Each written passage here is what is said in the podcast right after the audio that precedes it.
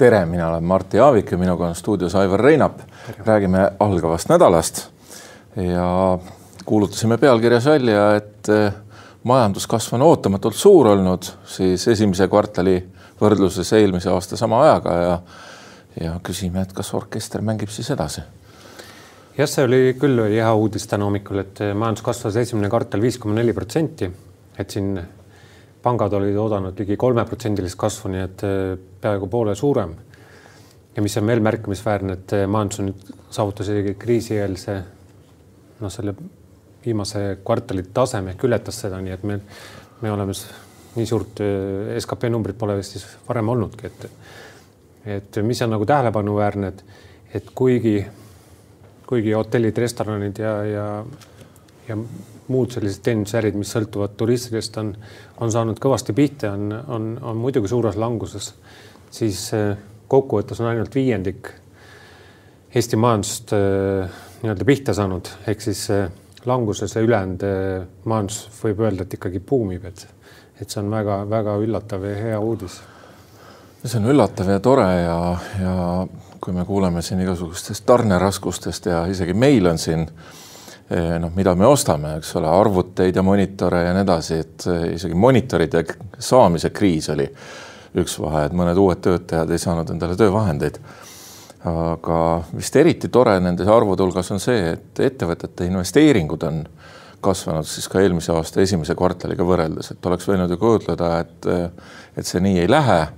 et eh, keegi ju esimese kvartali investeeringuid tehes ei teadnud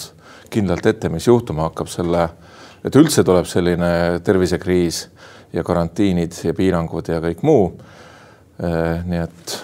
see investeeringute osa ilmselt jooksis nii, nagu ta varem oli planeeritud, aga nüüd selle aasta algus on siis ka suurem kui varem. ja eks eelmine aasta, kui kriis tuli ja kõik kinni pandi, et äh, kahtlemata, et siis kõik tardus. et äh, ei juletud ju vähemalt esimene kuu midagi teha, et peatati ju igasugust ehituse ja muid asju. aga, aga noh kuna me harju, harjusime tõenäoliselt selle koroonaga elama ja, ja kõik said aru, et tegelikult elu ei jää seisma, et inimesed eh, tarbivad ikkagi edasi, kuigi noh, võimalused eh, välja minna või, või kuskil mujal tarbida oli, olid väiksemad, siis raha ikkagi kogunes, et, et praegu ju nendest viimastest andmetest tuli, et tuli ka välja, et, et hoiused on kõvasti kasvanud nii,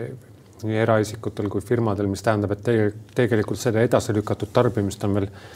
veel ikkagi palju, nii et sellest potentsiaali majandusel on äh, kõvasti kasvada, aga mis on muidugi väga hea, et ka eksport ikkagi kasvab ja, ja koguni viis protsenti, see näitab, et, et meie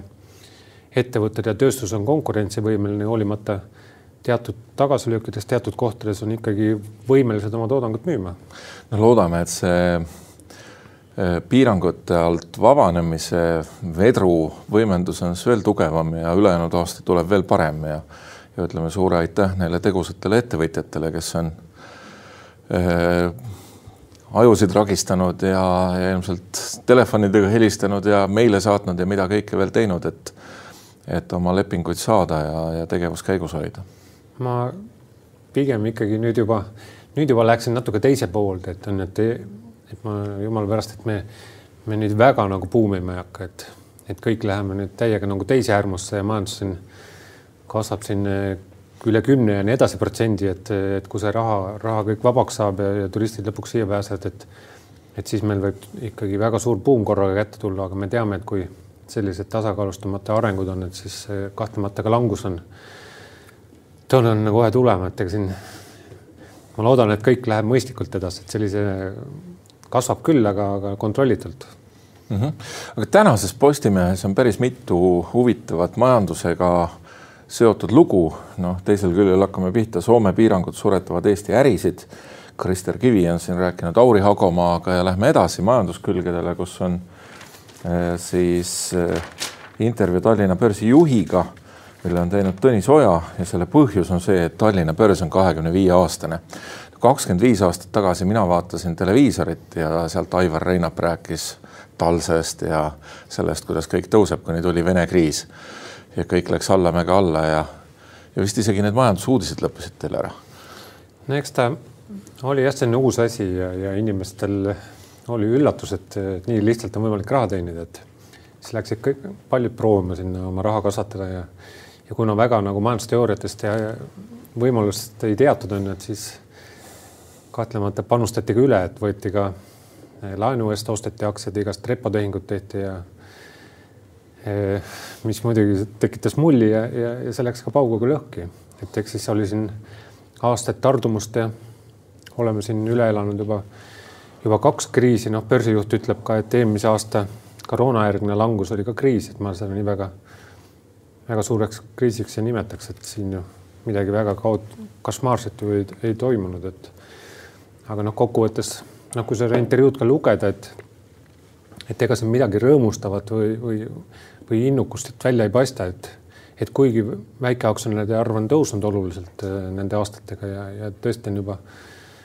siin viiekümne tuhandeni ulatub see number, aga, aga paraku meie börs on ikkagi nii väike ja need ettevõtted siin on ka nii väikesed, et et meelitada ligi suuremaid äh, välistegijaid, institutsionaalseid investoreid, et see on väga-väga keeruline, et et kuna me oleme nii ebalikviidne turg, et siis kuni meil ei ole suuri tegijaid ja kus need suured tegijad ka väga tekivad, et meil ei ole ju, ei ole siin väga millegagi, millegagi uhkustada, kui need. no aga kirjutame iga nädal ükssarvikutest ja inimestest, kes oma iduettevõtetesse kaasavad küll kümneid, küll sadu miljoneid dollareid. aga nad ei tule ka siin Tallinna börsil ju, et ega need suuremad suuremad tegijad ikkagi vaatavad sinna Londoni ja mujale poole, et kus on nagu rahale ligemal ja kus seda firma väärtusi hinnatakse kõrgemalt, on et et eks me selline väike koht ikkagi oleme. no aga kas on mõtet Tallinna börsil tegutseda? no eks ikka on, et ega, ega need ka väiksemad ettevõtted ju vajavad kapitali ja et ega börsi mõte on ju, ju anda nii-öelda vanema, suur, suurematele investoritele varale väärtuse ja, ja, ja kaasata selle tõttu ka lihtsam, lihtsamalt äh, lisakapitali, et kasvada, et ja, ja võimaldab ka ikkagi nendel inimestel, kellel on sääste üle, et noh, oma, oma ettevõtetesse ikkagi investeerida, keda tuntakse, teatakse ja, ja kahtlemata Eesti investor tunneb Eesti ettevõtteid kõige paremini, ta vähemalt jälgib neid uudiseid ja on ajakirjanduse vahendusel kursis, nii et et kahtlemata see on, on väga hea ja loodame, et. et pigem me peaksime hoidma ka pöialt, et Tallinna börs jääks püsima ja, ja edeneks küll ta jääb, sest ega siin on ju tekkinud ka neid juba väiksemaid börse kõrvale ka, et et äh, erinevad need idufirmade börsid, näiteks Wunderbeam ja Wunderwise ja et, et selliseid uusi nagu initsiatiive on, on ju, mis tegutsevad ka nagu globaalselt, seal on ka väiksemaid firmasid nii meilt kui mujalt on ju ja võimaldab ka väiksematel investoritel juba varasemates faasides ettevõtte omanikeks saada. kahtlemata on see väga suur risk ja seal võimalus raha kaotada on oluliselt suurem kui, kui võib-olla nendel Tallinna börsi ettevõtetel, aga aga ikkagi see võimaldab, võimaldab seda kapitaliturgu elavdada, et, et ka need, kellel ei ole võib-olla midagi muud kui suur plaan kasvada, et, et leiaksid ka toetajad või, või raha on ju, sest mm -hmm. pankadest selle peale tõenäoliselt võib-olla nii lihtne raha saada ei ole. ja mina jäin seda intervjuud lugedes mõtlema selle peale, et et meil on küll kombeks mõelda, et, et meil on juba kolmkümmend aastat möödas taasiseseisvumisest varsti ja see on pikk aeg, inimesed on saanud täiskasvanuks ja ammu sellest maagilisest eh, nii-öelda passi saamise piirist eh, üle. aga kes on sündinud siis pärast Eesti Vabariigi taasiseseisvumist, aga ilmselt on ikkagi mõned suured protsessid, mis on sellised põlvkondlikud ja kus tõepoolest tuleb terve rahvana sisse kasvada normaalsesse ellu ja näeme endiselt seda, et need ränkrasked okupatsiooniaastad on meie ühiskonda ikkagi mingisugused jäljed jätnud, noh, üks on seesama umbusk siis äh, finantsinvesteeringute vastu, mis vaatab vastu sellest, et et neid investoreid on ikkagi suhteliselt vähe, eks ole. noh, teistpidi, kui inimestel raha pole, noh, mida nad siis investeerivad? just, et no teisest küljest tuleb vaadata seda ka, et eks see börs ju arenes ka nii-öelda käsikäes erastamisega, et paljud ettevõtted ju erastatigi niimoodi, et et viidi aktsiad börsile ja enamus osalus anti või müüdi edasi, on ju, noh, mõneti ka anti, on et et uued ettevõtted alles tulevad peale, on ju, kes kasvavad ja kes on nii-öelda nagu vabaturu majandusega koos üles kasvanud, et noh, ja teisest küljest muidugi ka need aktsionärid tõesti, et kui vanemad ees pole investeerinud ja seesama kultuuri oma lastele tutvustanud ja neid kasvatanud, et siis on väga raske sellest aru saada, et, et kuidas siis see raha niisama kasvab seal kuskil börsil? akumuleeritud vara on, on vähe ja pole seda kogemust, aga üks teine sarnane nähtus on suhtumine vaktsineerimisse. meil on siin koroona rõõmustavad numbrid, aga, aga vaatasin just, kuidas on lugu vanemaealiste vaktsineerimise arvudega Inglismaal ja need on väga muljetavaldavad võrreldes Eestiga. ja me ei saa isegi rääkida enam sellest, et eh, kas eh, neil on vaktsiini rohkem või ei ole, sellepärast et et vaktsineerimisvõimalust ju Eestis praegu on, et võiks olla ka need eh, üle kaheksakümneste ja üle seitsmekümneste vaktsineerimise hõlmatus. Noh, kuskil seal Inglismaa tasemetel, mis on noh, peaaegu kõik mul on tunne, et, et me midagi magasime mingi hetke maha, on ju, et et Eesti oli ju teatud hetkel ju väga,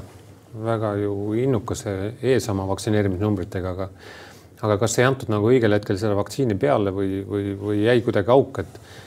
sel hetkel, kui need numbrid hakkasid juba paremaks minema, see inimeste nagu ohutunne kadus ja nüüd, kui tulevad veel ilusad ilmad ka ja piirangud kaovad ka, et siis, siis paljud mõtlevadki, et miks ma nüüd praegu siis vaktsineerin, et jätan äkki sügisesse, kui uued ohud tulevad. mina näen siin kahte tegurit, üks on see, et milline valik tehti eelmisel aastal, kui valiti siis nende vaktsiinide vahel sellest ühishankest ja millised proportsioonid on, et kui ma õigesti mäletan, see AstraZeneca on meil natukene üleesindatud võrreldes Pfizeri ja Modernaga. ja teine asi on see, et ilmselt on ikkagi selle AstraZenecaga ka pärast neid üliharuldaste trombide juhtumeid käitutud valesti, et et loomulikult me ei ole ei viroloogid ega arstid, aga kui siin lugeda, kuidas teised riigid käituvad, siis ilmselt poleks pidanud seda äh, alla viiekümnestele piirangut kehtestama ja hoidma, vaid oleks pidanud selle AstraZeneca kohe nii vabaks andma, kui vähegi saab, et kui me siin loeme oma uudistestki, et et selle populaarsus üha väheneb, kui on lootus saada teist ja eks oleks minagi võtnud võib-olla Pfizeri, kui oleks olnud vaba valik, sest me ju oleme lugenud, et see on tõhusam. aga samas ühed vaktsiinid seisavad, me ei liigu piisavalt kiiresti lähemale sellele karjaimmuunsuse eesmärgile ja ja, ja teist, teistest on siis nappus. jah, kui avalik, avalik info on, et järgmine aasta võib-olla isegi loobutakse üldse AstraZeneca süstimist Eestis ja on, käib läbi ka teise vaktsiini nimi, et ega see, see ju inimestele, inimeste seas selle vaktsiini populaarsust ei lisa, et, et saadakse ju aru, et, et ju siis mingi jama on, kui seda nagu ei taheta edaspidi ka vaktsineerida, et, et selles mõttes jah, see avalik kommunikatsioon on, on üli, ülitähtis, et sest inimene võtab kuskilt ju teatud mõtted ja, ja, ja, ja, ja siis äh, paneb selle peale oma arvamuse ja pärast on väga keeruline talle ümber mõelda, et. aga no üks tegur kahtlemata on see, et äh, et kui meil on olnud gripi vaktsineerimises vanemate inimeste nagu see tahtmine vaktsineerida suhteliselt madal, sama trend vaatab vastu ka sellest, sellest koroona vaktsineerimisest ja ja kahjuks need arvud kuidagi ülespoole ei liigu just selles vanemas grupis, nii palju, kui me oleme jälginud, et, et seal ju mingisugust selget muutust ei ole. ei ole ka väga ju tehtud neid äh, avaliku arvamuse küsitlusi või või põhjendused, miks siis inimesed ei, ei taha neid vaktsiine, et et noh, on jäänud kohati mulje, et elukohajärgselt ei saanud vaktsiine või oma perearsti juurest ei saanud, vanad inimesed ei taha minna kuskilt otsima seda üle Eesti, et et siin natuke on nagu küsimärk, et, et kui siin tänastel lehtedes ka kirjutati, et võib-olla perearstid isegi isegi vaktsineerimisest ühel hetkel jäävad kõrvale, et need tulevadki vaktsineerimiskeskuste kaudu, et noh, seda